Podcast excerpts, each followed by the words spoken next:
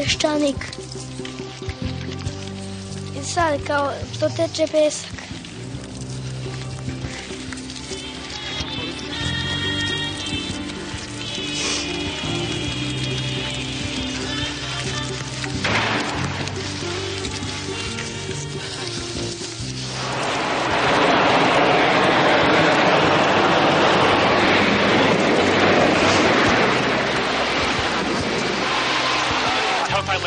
Peščanik. I hope I live. It's coming down on me. Here it comes.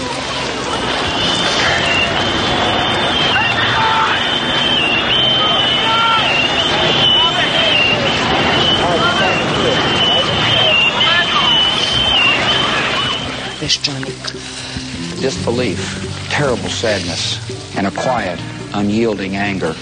Even though I walk through the valley of the shadow of death, I fear no evil, for you are with me.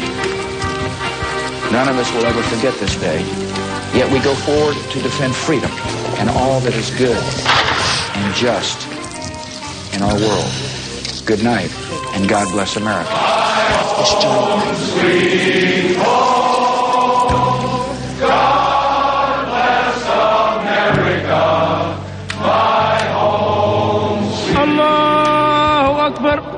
أشهد أن لا إله إلا الله.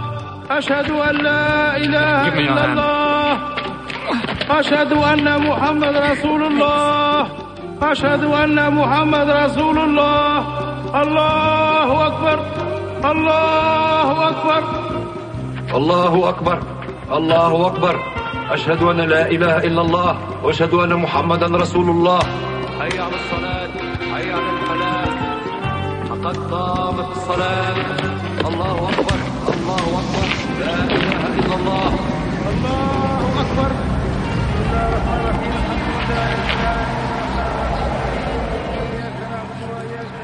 Let me tell you about winds.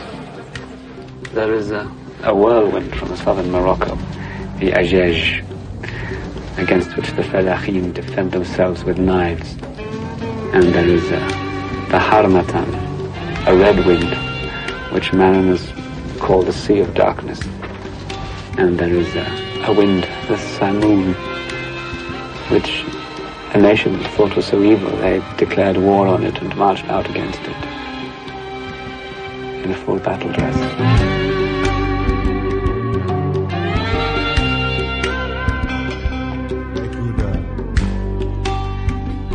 Je špica peščanika koju smo napravili posle 11. septembra, kada je Bush u stvari i najavio sveti rat civilizovanog sveta protiv varvara.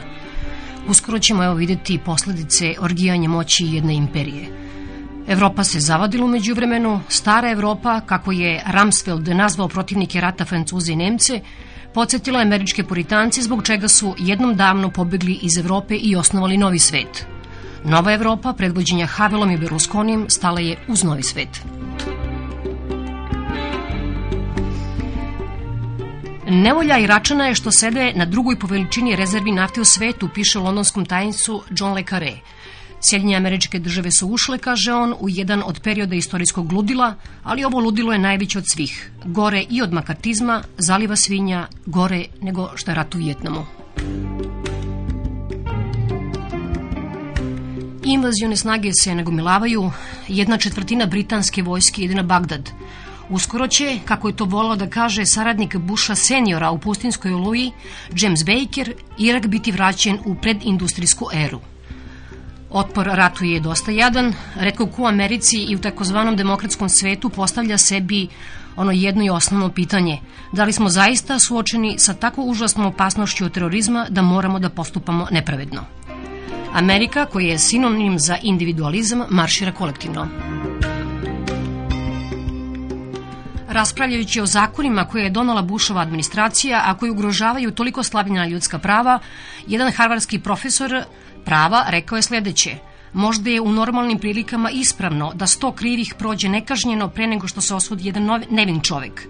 Ali moramo iznova da razmotrimo tu aritmetiku ako jedan od krivaca može da raznese Manhattan. Ta aritmetika je izgleda razmotrena i sada svima ostaje da se preračunaju.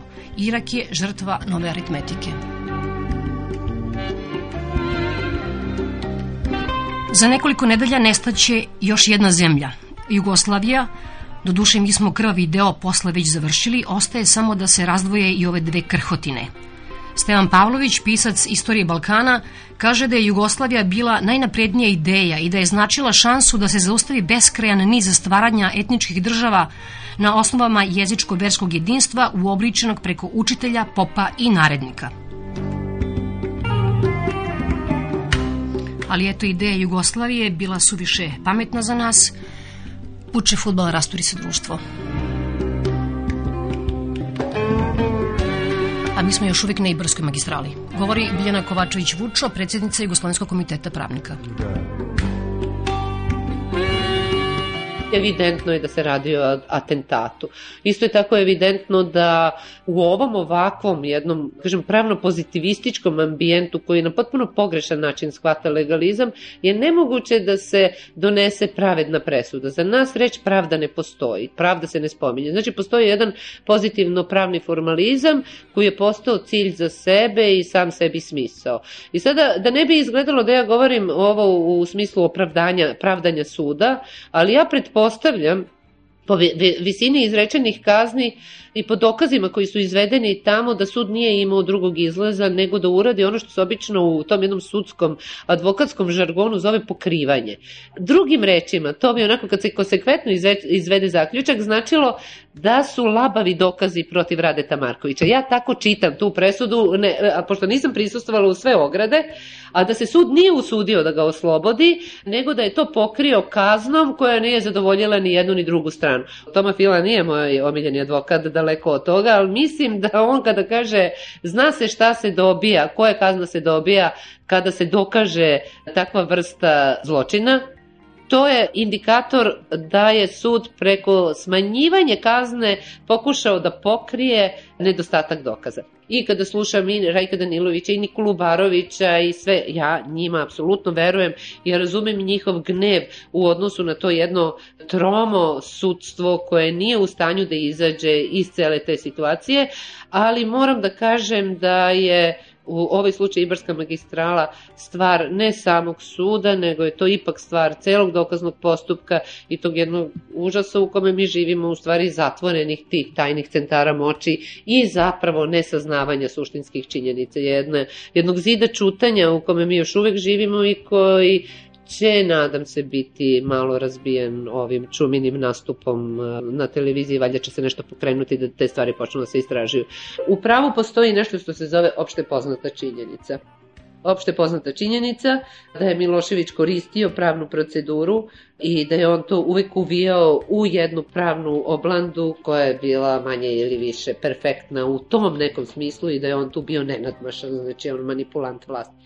Međutim, sa tom opšte poznatom činjenicom niko ne računa u novim postupcima koji su nasleđe starog režima, tako da ćemo mi imati sve više i više ovakvih situacija i sve više i više nerazumevanja opravdano povređene javnosti koja ne može da realizuje svoja prava i sve više i više birokratske otuđenosti ljudi koji su u sistemu, u institucijama, koji će se ljutiti na javnost zbog toga što ih koriguje, smatraće da je to pritisak koji je nedozvoljen i onda ćemo dolaziti u situaciju da mi stalno budemo u sukobu i umesto da oni budu oni u kojim imamo poverenje, mi ćemo se sve više i više udaljavati jednih od drugih, ukoliko se zaista na jedan pametan, ne birokratizovan način ne učini nešto sa našim sudovima i pravnim sistemom.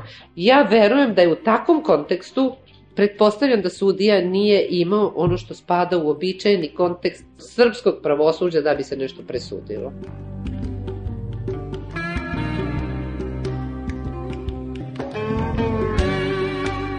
Lustracija je, da se razumemo, jedna takođe revolucionarna mera koja apsolutno nikom nije smetala, ta revolucionarnost kad se dešavala u Češkoj sa svim negativnim posledicama je mnogo bolja nego da ništa nije uređeno. Ta vrsta lustracije kod nas nije napravljena. DOS nije u parlamentu izglasao taj zakon. Ne. Oni, oni snose najveću odgovornost što taj zakon nije donet. Da li mislite da je generalno sudstvo to uzmemo opet kao alibi, ali mogu nešto samo. Nije, zapravo nije. Sudstvo nije moglo samo ništa da uradi. To, tu je, ja se potpuno slažem sa Lepom Karamarković u tom pogledu. Sudstvo samo ne može da izvrši svoju regeneraciju, ne može da se obnovi samo. Naravno, to je prevelika i odgovornost valjena na sudstvo u kome ne mogu da licitiram s procentima, ali pretpostavljam najveći broj ljudi, najveći broj sudija je bio veoma dobar sluga starog režima. Znači, ne može sudstvo, sudstvo nije izolovano iz sistema. Znači, taj jedan politički ambijent koji postoji, to nepoštovanje podele vlasti kao principa, premijer i Batić se veoma često prema sudstvu ponašaju kao da je to njihov resor, a to nije njihov resor, to je odvojena vlast i to je pravilo svake demokratije i u takvoj jednoj situaciji bez suštinskih promjena u društvu e, nema ni promjena u sudstvu. Znači, mi smo se zaglibili zbog nedovoljne efikasnosti posle 5. oktobra, odnosno zbog situacije da nije jednim dekretom ukinut ustav i odmah da su pravljena načela neke nove države, jednog novog vrednostnog sistema.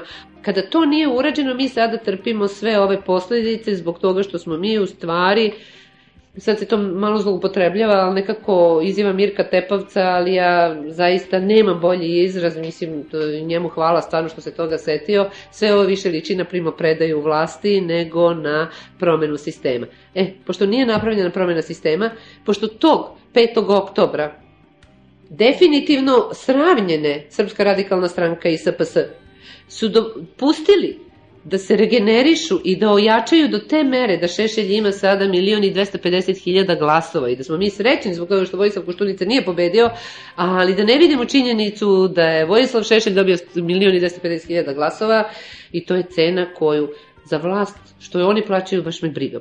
A što mi plaćamo, to ne mogu da kažem da me baš briga, nego zbog toga osjećam užasnu nemoć i užasan bes. I u tako jednom, u takvom jednom ambijentu, Mislim, kako može da se očekuje da sudstvo bude bolje nego što jeste? Da nemamo medije, ovakve kakve jesu, da ne talasaju. Pa mi bi bili, pa mi bi bili zaista u prlogu, u blatu, ne znam kako, i, i sad smo, ali da nema medija, ne bi ništa u stvari dopiralo do nas, ne znam kako da nazovem, Očekivali smo kad smo se popeli kao na vrh 5. oktobra da ćemo da idemo dole, ali baš da ćemo ovako da se sunavraćujemo, to niko nije očekivao. I u takvoj jednoj situaciji Ibarska magistara i ta presuda, to je zrno peska to je svakodnevica, to je normalnost, to je normalno suđenje. To nije nikakav ekces. Ekces je zbog toga što su poznati događaj, poznati ljudi, ali to se ljudima dešava svaki dan. Ljudi su potpuno nemoćni i depresivni zbog nemogućnosti da realizuju neka svoje osnovna prava. Školovali smo ih, e, edukovali ljudskim pravima, razvijali im svest o postojanju ljudskih prava i sada kad imaju svest o tome, oni ne znaju kako to da realizuju. To je tako strašna frustracija da se ja bojim da će sve više i više gneva izazivati kod ljudi i da će ono naj najbolje što imamo na kraju biti predmet svačije osude, jer više niko nije u koga nema poverenja, a pogotovo što nemaju poverenja u institucije, to je kolaps, to je strašno.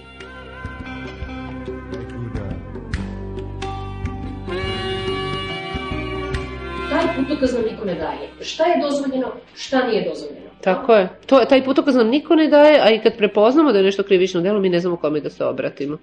Ja zaista, ja ne mogu da zamislim kako je običnim ljudima. Kada mi kao pravnici Najteže nam je ono, a kome da se obratimo? Nema kome da se adresira problem.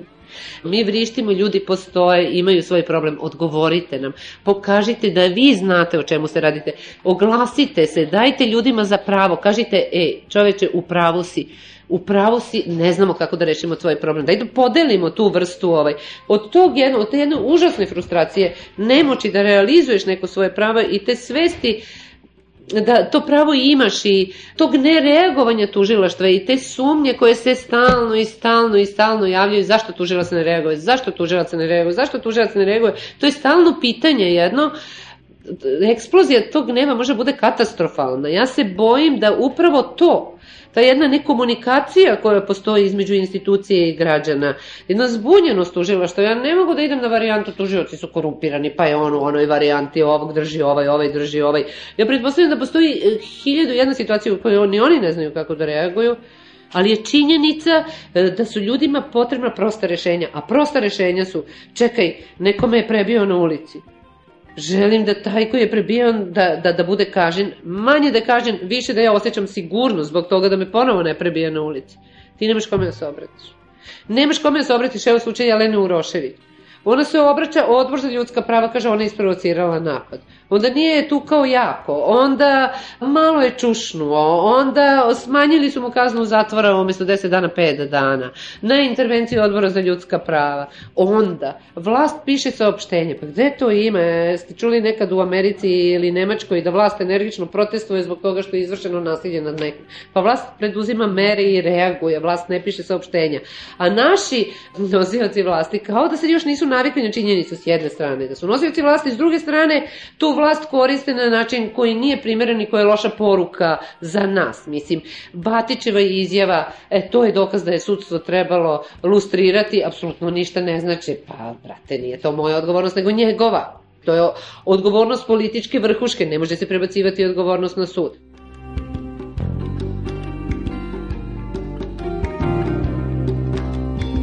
Vlast neće da podeli sa nama svoje probleme na pravi način, nema poverenja u javno mnjenje, stalno komentariše o čemu mediji pišu. Misli da, na primer, u Americi krene Bush da komentariše kako izveštava CNN. Ja ne govorim sada o, o, o mehanizmima pritiska koji sigurno postoje, ali javno da komentariše, pa to čak ni George Bush nikad ne bi uradio. To je, mislim, takve stvari se dešavaju da čovjek ne može da poveruje.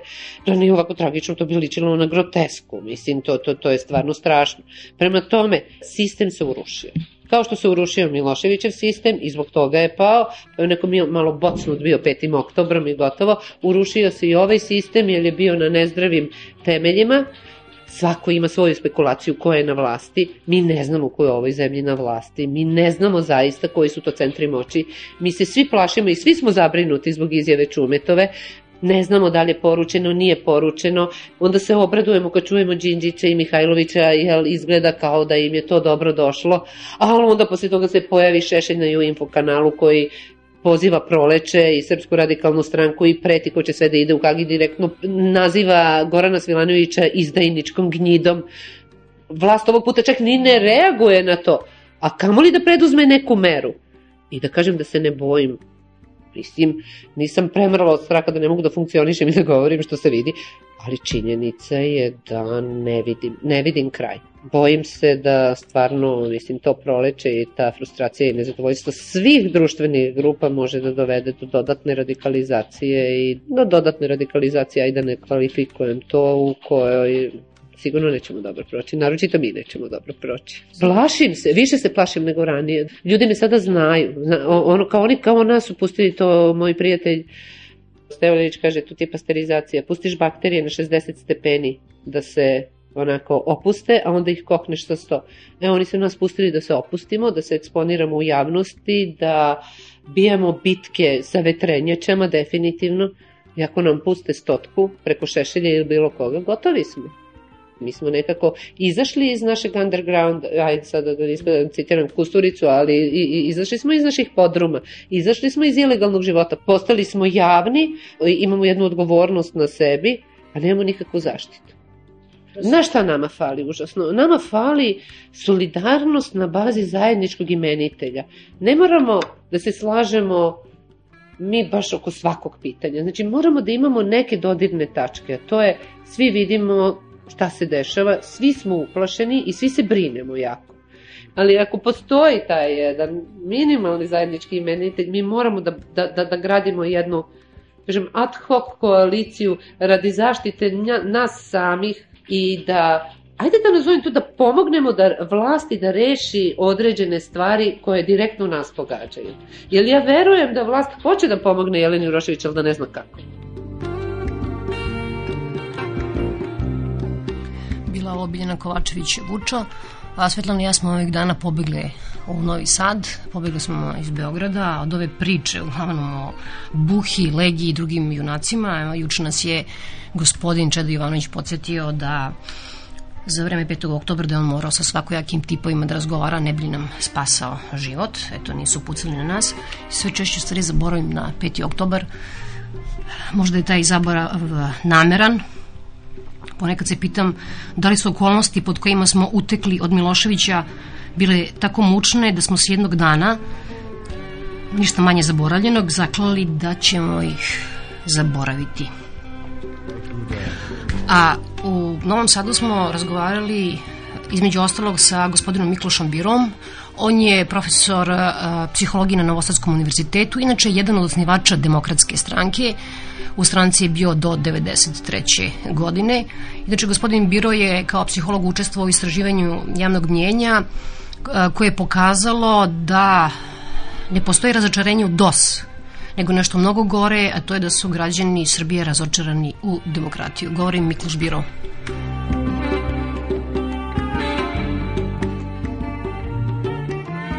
Vrlo često se citira ona već pomalo otrcana fraza koja kaže da zemlje koje prelaze iz komunizma za šest dana mogu da promene vlast za šest meseci mogu da promene zakone. Otprilike šest godina im treba da naprave nove institucije, to je da promene institucije, a za 60 godina se menja mentalitet. Mi smo do duše za jedan dan srušili vlast, ali oni, fali mi oni šest meseci za zakone, pošto to kod nas traje već tri godine, pa nikako da uspostavimo ni ustav, ni sve ovo.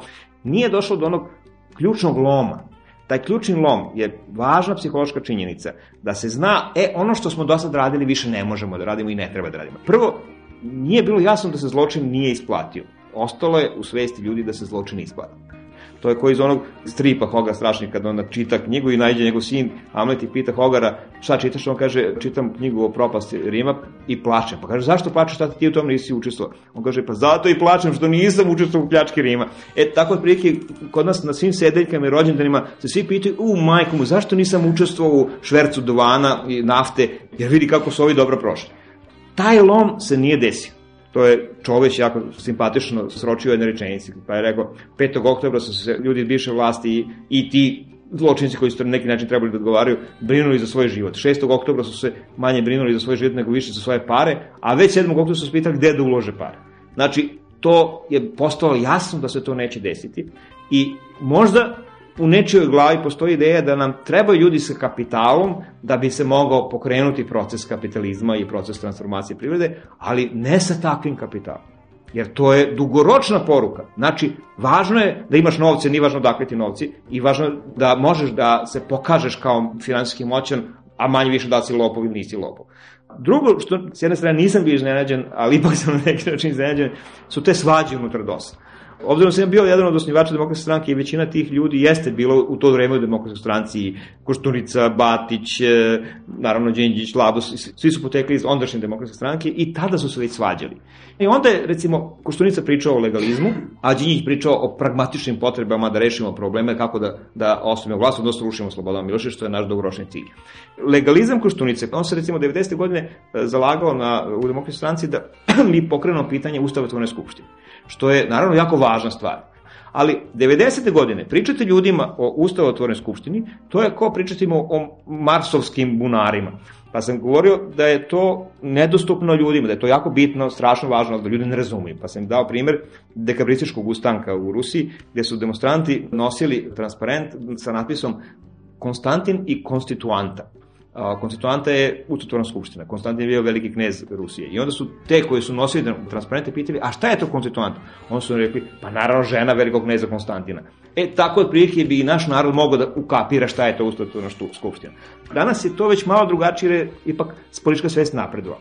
Ali u isto vreme, taj legalizam koštunice pada na nacionalnim pitanjima. Pada na pitanju ratnih zločina. Ideja da neko ko je legalista, govori o broju ratnih zločinaca, da ima više e, Srba nego Hrvata. Ideja da mi sad prebrojavamo koliko ima Srba ili Hrvata, a ne suočavamo se sa ljudskom i pravnom i moralnom činjenicom da je taj zločin počinjen, to ne može biti legalizam. Nešto u toj legalističkoj glavi nekih šafčići ne funkcionišu dobro. Kako ne vidim zločin?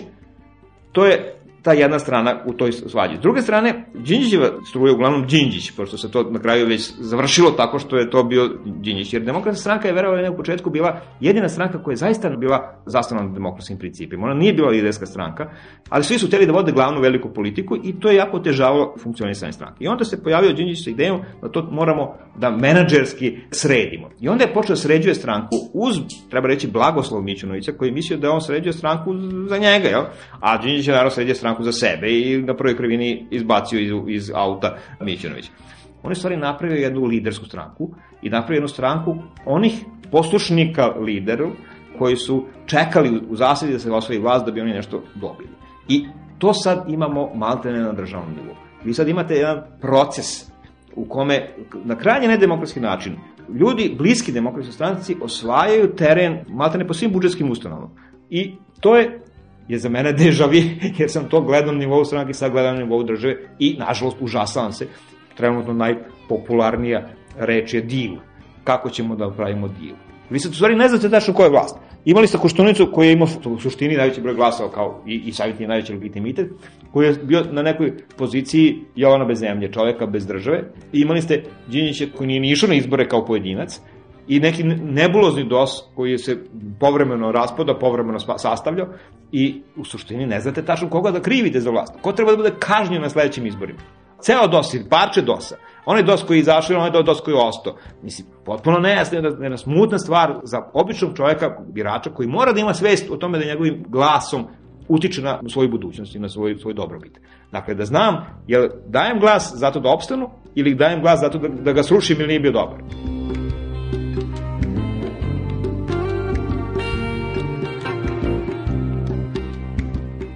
Znamo da u stvari sav organizovani kriminal ili srpska rečena mafija jeste tad bio u sprezi sa DB-om.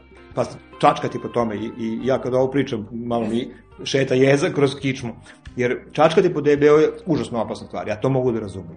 I mogu da razumem da to nije raščišćeno, ali, ali do sve su mogli biti otvoreni. Kad javnost pritisne, onda i taj ne možete tako da ubija sad sve redom mogo sebe, ne može da pobije ceo narod. I onda je mnogo manja šansa da se pojedinačnim obračunom rešava problem kad je stvar na nivou opšteg saznanja. Tako da je to moglo da se uradi. To je moglo da se uradi odlukom Skupštine. Ali nije. U vreme Slobodana Miloševića najveći pritisak je bio baš na one opozicione političare koji nisu imali putera na glavi. Oni koji su imali putera na glavi ti su opstajali. Jer s njima lako bilo manipulisati. Mogu sam da ga uceni, mogu sam da trgujem s njim. E to što je opstalo i nažalost očigledno imalo nekog putera na glavi. Sad ja to govorim bez jasnih dokaza naravno. Ali činjenica jeste da se nisu otvorili tajni dosije kad je obznanjeno bilo da se otvori taj dosije, ja sam sa svojim prijateljem, novinarom Janom Brizom, koji je svojedobno za vreme rata od Šešelja bio zagovornicom Skupštine optužen da je kapetan NATO-a, Veran Matić je bio pukovnik, a Ćurive je bio general NATO u njegovoj hirarhiji. I odemo nas dvojice da vidimo ili imamo tajni dosije i slučajno zateknemo dva lokalna lidera otpora. I posle 15 minuta izađe gospođa koja kaže nema niko od vas dosije. I što Đorčom, možda ja i nemam, aj nisam bio neka važna faca, možda i briza nema, ali dva otporaša da nemaju, pa to nešto definitivno, oni nisu znali da svoj posao. Prema tome, očigledno je da je to skrivano i da to nije do kraja rastvoreno i obelodanjeno i učinjeno, što kaže se danas, transparentnim. I mislim da je tu glavni problem, da je odatle od te glave riba smrdi. Da je tu rašišćena situacija, znalo bi se i ko u vlasti skriva i čuva te ljude koji danas funkcionišu kao organizovani kriminal i sve bi bilo mnogo lakše demontirati. E, to nije urađeno i moja blaga sumnja je da to nije urađeno namerno. Ili kao posljedice nemoći, što je možda manje strašno, ali je ipak strašno.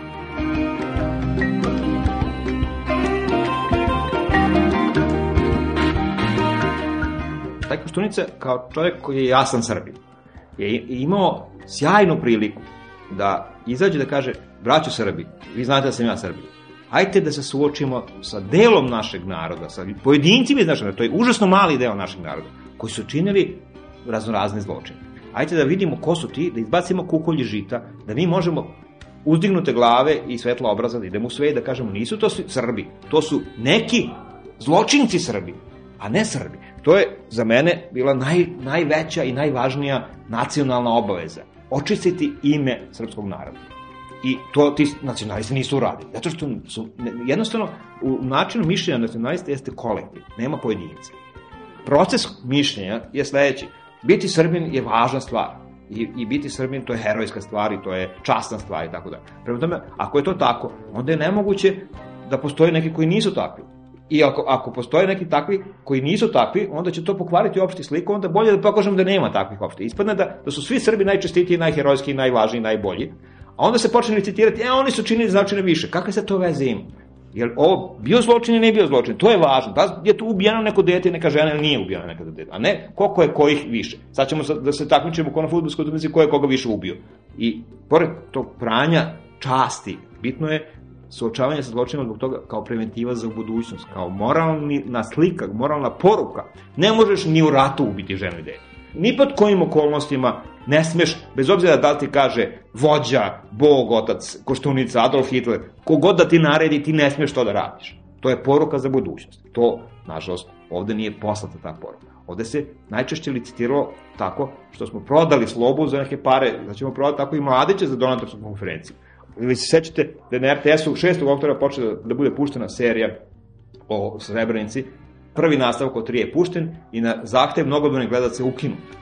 Nije, očigledno, ni javno mnjenje je bilo spremno da se s tim suoči. Ali neko je od te političke elite morao da stane na, na lut kamen ili da uzme vruć krompir, kako da kažem, i da počne da objašnjava šta se zaista dešavalo. Jer to je uslov i za saradnju sa susedima, ali mnogo važnije od saradnje sa susedima jeste, to je uslov da se budućnosti deci, unucima i pravo unucima pošalja poruka ne treba i ne smeš da činiš zločine. To nije, nažalost, urađeno. Ja sam kao psiholog veliki deo svoje ove desetogodišnje karijere od 92. do, dan, do danas proveo sa žrtvama rata Srbima. To jesu bile žrtve i te žrtve zahtevaju pravdu takođe, ali to nema veze sa našim zločinima. To su dve različite stvari. Ja sam bio ekspert u Hagu i čitao sam konkretne dosije. I to, to, to, to se čovjek smrzne. To, to je bilo ljudi koji su po desetine, stotine ljudi ubijali. Nahladno, ne u ratnim okolnostima. To su najklasičniji mogući zločini. Nema tog morala i nema tog pravnog sistema koji to neće proglasiti zločinom. A onda mi izađe predsednik ili ne, neki politički vođa koji mi priča o tome koliko je čega bilo. To je onda za mene ne, ne samo nemoralno, nego to je daleko od legaliteta. Ja kad god pričam o ovom, uvek napravim jednu malu ogradu pa kažem, ni Amerikanci, kad je učinjen zločin u Milaju, u Vijetnamu, pa je poručnik Kelly bio izveden na sud. U trenutku kad je on bio izveden na sud, 78% Amerikanaca po Galupovim istraživanjima nije prihvatilo ideju da on, učinio, da on bio zločinac i da je učinio zločin, nego da je bio deo ratne mašinerije i da je bio patriota. Prema tome, to je, to je ljudski. Nerado prihvatam da je neko ko je deo šireg mene, to šire ja jeste srpstvo, jeste nasilno identitet. To je ljudski, ali to ne opravdava političku elitu koja mora da raščisti šta je zločin. Jer prihvatiti da postoji zločin u mom narodu je teško, ali naglasiti da postoji zločin i da se zločin mora kazniti je važnije od toga.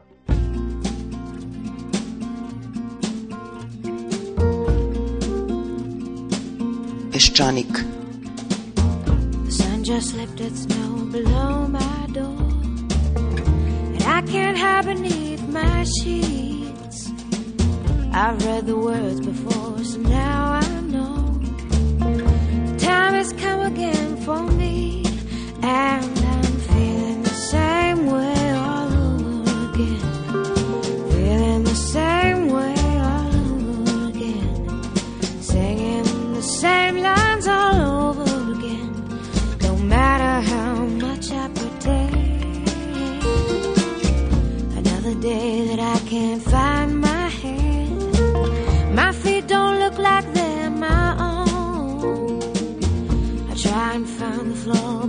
understand.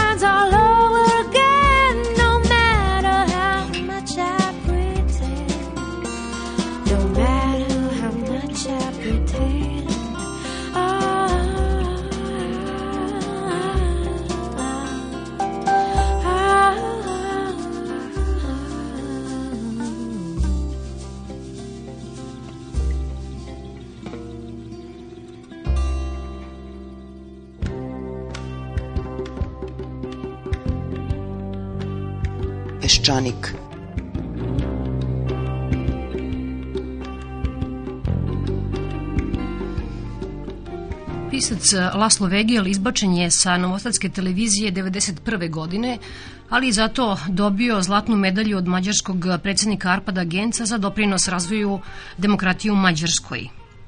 On je za vreme Milošić, Miloševića vodio Fond za otvoreno društvo u Novom Sadu, a kao nagradu od novih vlasti njegova žena je izbačena ovih dana sa Novosadske televizije zajedno sa Milijanom Baletić, sećate se ono sa Dubrovačkog ratišta kad su momci gađali na Dubrovnik uz reči ajmo jedan za Milijanu.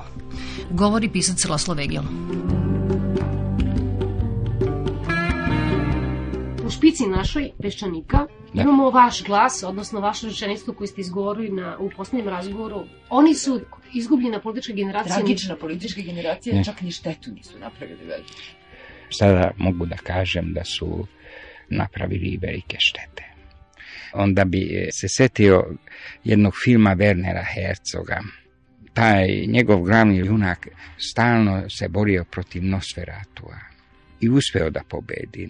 I on kad je seo sad u fotelju, jednu udobnu fotelju, taj junak, u lepom modelu, kao bi sad kupio iz Pariza, jednom na ustima počinje da izlazi krv i da rastu zube tog Nosferatua. Ja mislim da je to jedna današnja paradigma da novi ljudi ne smeju, ne žele da se oslobode prošlosti. To je jedna strašna sudbina. Meni uvijek se čini da nije taj hak problem, nego taj hak koji je u nama. Da mi nemamo haga unutra. Znate, ako bi imali onda to bi bilo jednostavno taj hak. Možda ne bi bilo ni potrebno. To je sad jedna bitka u društvu, jedna faustovska, kad ljudi imaju dve duše.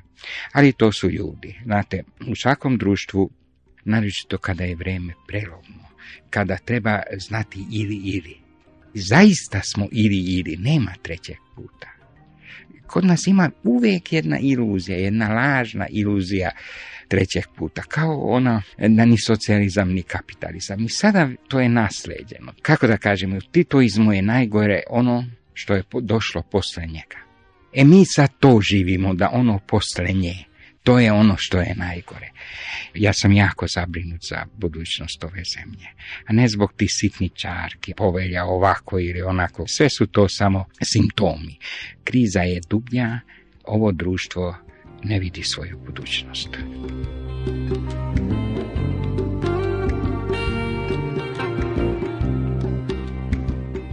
U 80. godinama ja sam dosta učestvovao u tim nekim, tako da kažem, akcijama demokratske opozicije Mađarske i onda je došla promjena sistema u Mađarskoj, pa mi je i rečeno da bi mogao da se preselim. To je odmah bilo na početku 90. godina, pre još rata protiv Hrvatske. Ja sam onda dugo razmišljao i mislio sam da da bi je to bilo jedno, jedna vrsta tekstva i da i morao da se odrećem od svojih principa i da sam, ne kažem da je to patriotizam bio, nego jednostavno unutrašnji moralni princip. Tako da odmah to da kažem da je u tom smislu ja nisam patriot. Nego mislio sam ako sam ovdje živio onda imam svoj dug i zbog toga sam izdržao i uvijek sam bio ovdje kada je bio ovdje najkonfuzniji i najteže. I deset godina sam to tako izdržao i kada je pao taj sistem onda sam verovao da, da ću i ostati. Oni su uspjeli i tu veru moju da razruše da ja treba ovdje da ostaje. Znate, još za vrijeme Miloševića ja sam dobio zlatnu medalju predsjednika Republike Mađarske, baš od Arpada Genca, koji je zaista jedan evropski čovjek. I onda kabinet je poslao jedno zvanično pismo meni da sam tu zlatnu medalju za književno stvaralaštvo da sam dobio. Ja ovo pismo nikad nisam dobio. Ironija sudbine da pismo je vraćeno. To je vratila PTT Srbije u kabinet i rekao da je nepoznati čovjek. I onda sam mislio da je to, da je to režim. Ja sam pogrešio. Nije bio to režim jer bi, kad bi sad stiglo jedno pismo, isto tako bi bilo to vraćeno. Praktično u Novom Sadu živim potpuno usamljeno, izolovano i, i više ne vezuje me ni, ni neka uzbudljiva ideja da ostajem i tako da sve više naginjem da ako sam još formalno građanin ovog grada da, da i tu formalnost prevaziđemo.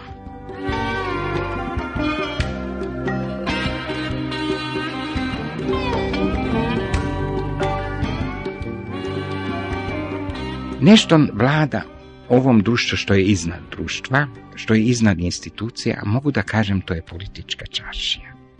Kod nas svaka institucija je već razrušena, a ta nevidljiva čaršija, ona je živim. Ali pošto nije izabrana nigde, nigde nije verifikovana, ona, je, ona može da se neodgovorno ponaša. Ona može da se ponaša kao da budućnost ne postoji. Znači, član sam partije, ergo jesam. Pa i mnogi ljudi, vidite, nazivaju sebe kao nezavisne intelektualce u Srbiji, ali oni su članovi partije, prepodne su članovi partije, poslepodne nezavisni intelektualci, uveče su kao nezavisni civilni baroni. Znate, to je strašno kad bi Gombrović pisao roman, to, to bi bilo možda jedino efikasno, taj haos, taj unutrašnji haos, ta neodgovornost, ta, ta veština simulacije i velika strast usput oko simulacije. Jedan moj prijatelj bio u Beogradu i Tamaš Gašpar Mikloš i Čovjek koji kaže on ima empatiju za te probleme što doživljava Srbije, razume, ne može da prihvati, ali razume i sve razume i mnoge stvari razume, ali jednu stvar nikako da razume i pita mene kako to. Kako misle ljudi da jednog trenutka može 30 ljudi da izađe iz autobusa i 30 ljudi da uđe. To je to što apsolutno nemoguće.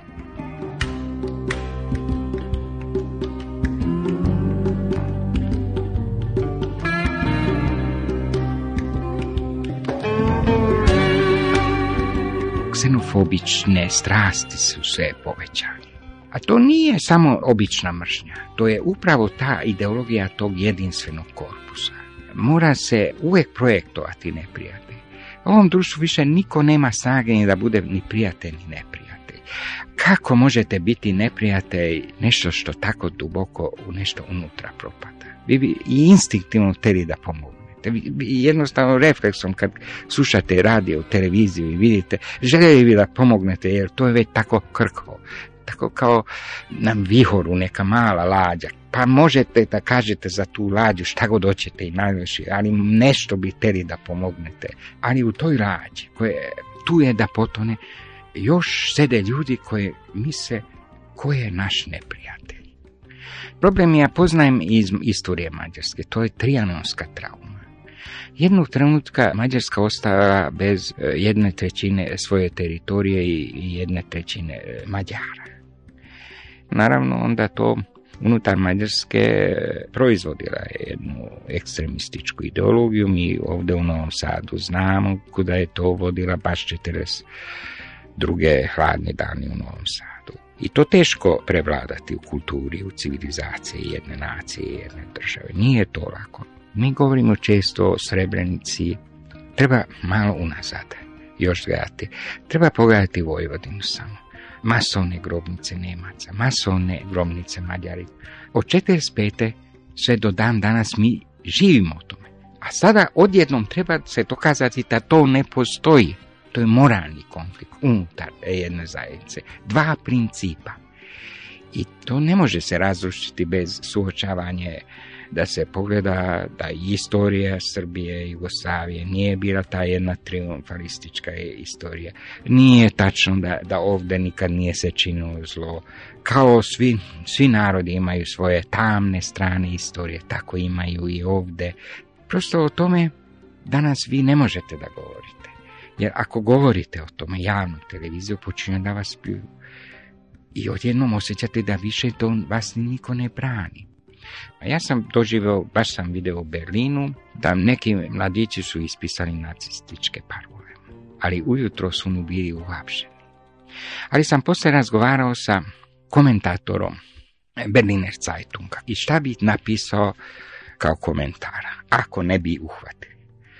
Pa normalno on kaže, ja ne bi pisao ništa protiv šefa policije, nego bi direktno tražio bi odgovornost gradonačelnika što nije smenio za jedno kratko vrijeme šefa policije. Tako bi pisao Berliner Zeitung koji, ajde da kažem, nije baš levičarski ili list. Pa to bi bilo nemoguće. Zamislite da Đinđića kritikujete zato što Mihajlović ne može da uhvati lopove. A Mihajlović ima jednu fantastičnu Borhesovsku priču, to bi moglo da ide u antologiju literaturu. Zašto on ne može da uhvati lopove? Mislim, to niko ne bi verovao. Znate, to je literatura.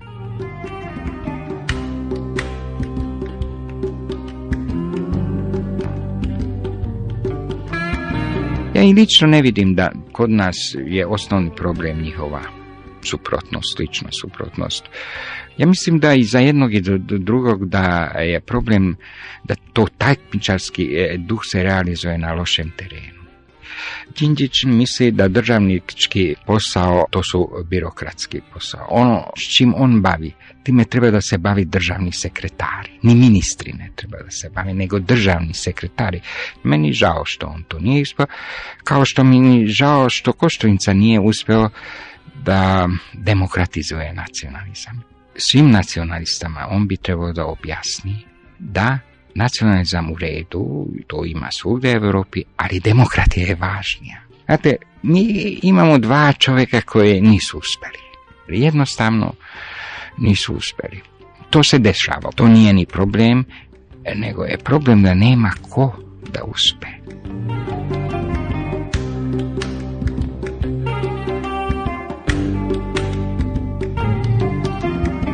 Do 80. godine možda bi trebalo proučavati u Mađarskoj. Tamo za intelektualca postoje jedan purgatorij.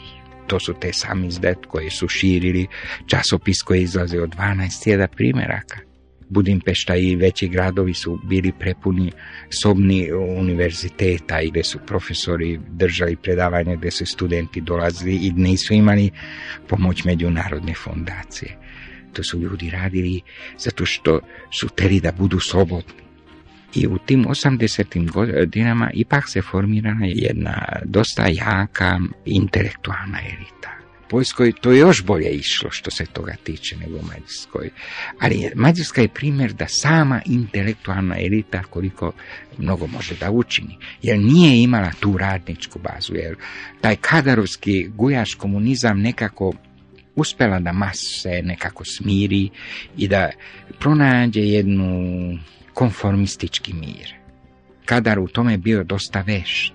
56. on je bio krvnik, a poslije je bio kao deda u Mađarskoj. A kod nas nije, nema ni toga. Kod nas nema ni sindikalni, socijalni pokret, nema ni intelektualni pokret, nikad nije ni bio.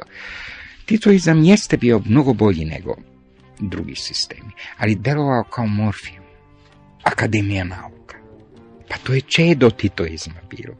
I oni su ostali u nekim stvarima i verni titoizmu i onda kada su ovaj izdali nacionalističke memorandume. Zašto? Ako pročitate taj memorandum, to je jedno čudo od teksta. Mudre glave niti smeju da kažu jednosmisleno da treba više partijski sistem. A u srednjoj istočnoj Evropi već studenti na ulici to pričaju i u tim kružocima kolokvijuma. A tu ljudi koji su relativno najzaštićeni, ne.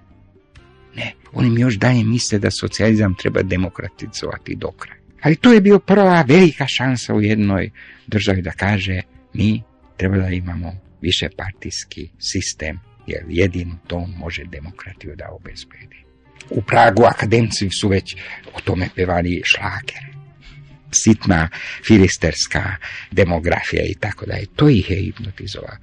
I to nije tako velik problem ko se dešava deset godina jednom, pa u redu. Ali da to permanentno se dešava i u sljedećoj deceniji, pa i u sljedeće, to znači da nešto ozbiljno intelektualno tkivo je poremećeno. To je, znate, opereta. Negde u Srbiju se uh, uselila opereta. U Beću, pre raspada monarhije, su stvarno najviše igrali operete i tu grofovi su e, pili šampanjac posle premijere, osjećali su se dobro, e, imali su međusobne svađe. I tu ima mnogo šampanca što se toga tiče. Ovaj. Imamo mi ovo vreme krvave operete sada.